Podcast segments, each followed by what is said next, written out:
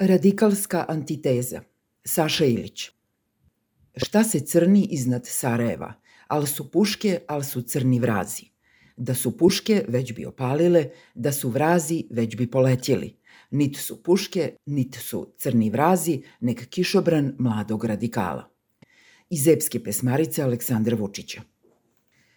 Za ovu nastavnu jedinicu građanstvo Srbije nikada nije bilo spremno, ali baš zato ćemo pokušati da zamislimo idealne uslove u kojima bi ona mogla da se radi, što podrazumeva dobro poznavanje istorije, retorike, književnosti, parapsihologije Srpske radikalne napredne stranke, hipnoze, psihologije masa i političkog ponašanja.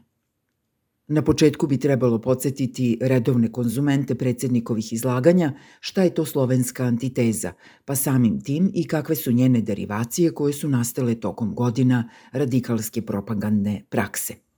Dakle, bilo bi dobro da se građani podsete vrsta i značenja stilskih figura, naročito onih koje se vezuju za naše prostore. Slovenska antiteza je jedna takva figura koja je karakteristična za literaturu slovenskih naroda, zbog čega i dobila takav naziv. Ova figura spada u složena poređenja koja se izvode preko niza predloga, te niza negacija i konačnog zumiranja središnjeg motiva. Obično se to nežno zavođenje izvodi preko boje, videti početak pesme Hasanaginica, gde se ukazuje na nešto čudno, bijelo u gori zelenoj, da bi se potom negirali snegovi i labudovi, a fokus se suzio na šator Age Hasanage. Ova figura je našla svoju široku primenu u jeziku političara i predano se razvija u govorima srpskih radikala duže od 100 godina, od Pašića do Vučića, pri čemu je ključni doprinos u političkoj adaptaciji slovenske antiteze dao Vojislav Šešelj, koji je svoje vojvodstvo i zaradio zavodeći i mobilišući mase uz korišćenje prepoznatljivih epskih matrica – To je demonstrirao mnogo puta za skupštinskom govornicom kao i u medijima, da bi potom do savršenstva doveo svoje trope u sudnicama Haškog tribunala. Njegov naslednik Aleksandar Vučić je dodatno prilagodio radikalsku antitezu, karakterističnu za srpski svet, svakodnevnom političkom govoru, pokazavši kako se sve činjenice mogu zloupotrebiti.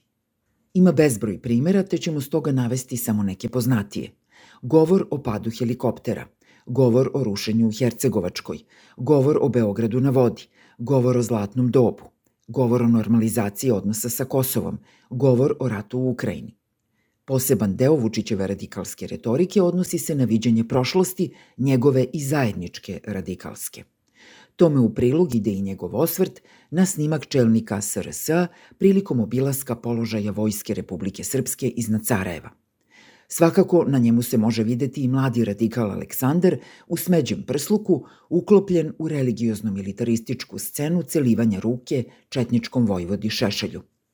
U jednom trenutku, dok se povlači iz kadra, mladi radikal Aleksandar prti sa sobom i nešto crno sa crnim remenom, što neodoljivo podsjeća na napravu za uništavanje i onesposobljavanje neprijateljske žive sile, odnosno na pušku.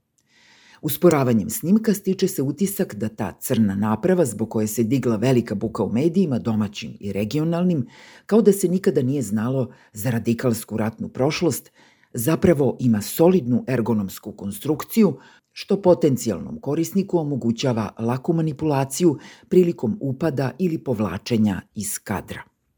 Crno je radikalska omiljena boja. Zna to i Vučić koji je baš preko te boje pokušao da izmanipuliše mase, poturajući operativnu radikalsku antitezu.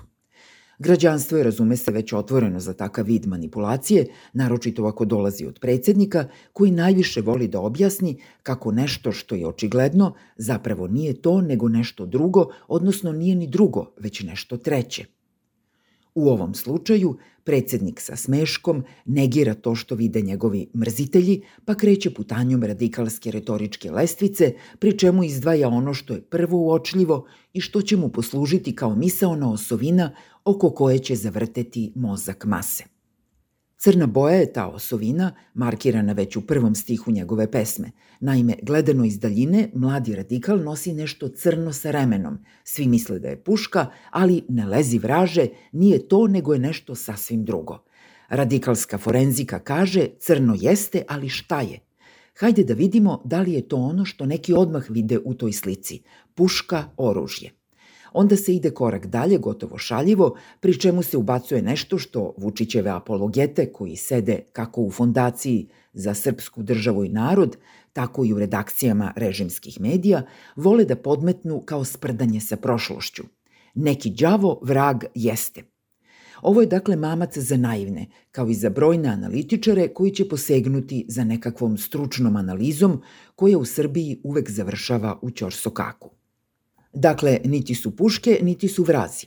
Odnedavno, zahvaljujući jednom književnom apologeti, znamo da živimo u vremenu u kome imperialni đavoli lete na sve strane. U Vučićevoj radikalskoj antitezi, međutim, vragovi ne lete, oni još uvek tumaraju po zemlji, vukući sa sobom starinske crne naprave za koje se ne zna sa sigurnošću čemu služe. I na tom stepenu poređenja radikalska antiteza otvara ka jednom duboko humanom, altruističnom svetu, jer niti su puške niti vragovi, već nešto što našeg glavnog junaka približava svim antiratnim herojima svetske književnosti od antike do danas – Crno jeste, ali je kišobran i to glomazan kakvi su se nosili 90-ih u brdima iznad Sarajeva. Ima dobru ergonomsku konstrukciju, lak je za manipulisanje, može i grad da pada, ali njegov korisnik to neće ni osetiti na opsadničkim položajima iznad Sarajeva, odakle je onomad pucao i Edička, i ne samo on. I nije to prvi put da je Vučić nosio veliki crni kišobran u Bosni, do duše bez remena i malo drugačije ergonomije – Činio je to u julu 2015. u Potočarima, kada ga je široki crni Amrel spasao, ne od vragova koji su poleteli, nego od cipela i kamenica koje su iz mase, ko zna zbog čega, poletele ka njemu. Možda baš zbog toga jer nisu prepoznali da je 90-ih isto tako nosio crni kišobran, a ne ubojito oružje za uništavanje vragova neprijatelja. Niko nije razumeo da se svih tih godina zalagao za prestanak granatiranja i pomirenje, mašući kišobranom poput neke radikalske Mary Poppins koja je krenula da zbrine ratnu siročad. I evo kako mu se danas vraća. Metodičke napomene i upozorenja. Pod 1.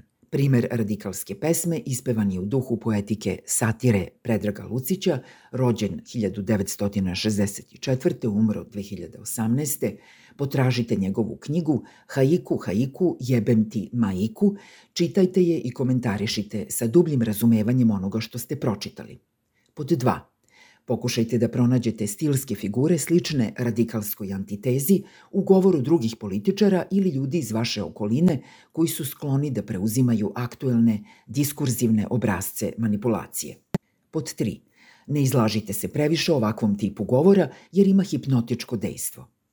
Pod 4. Najbolji način dekonstrukcije ovakvog govora je čitanje poezije Miodraga Miše Stanisavljevića, rođen 1941. umro 2005.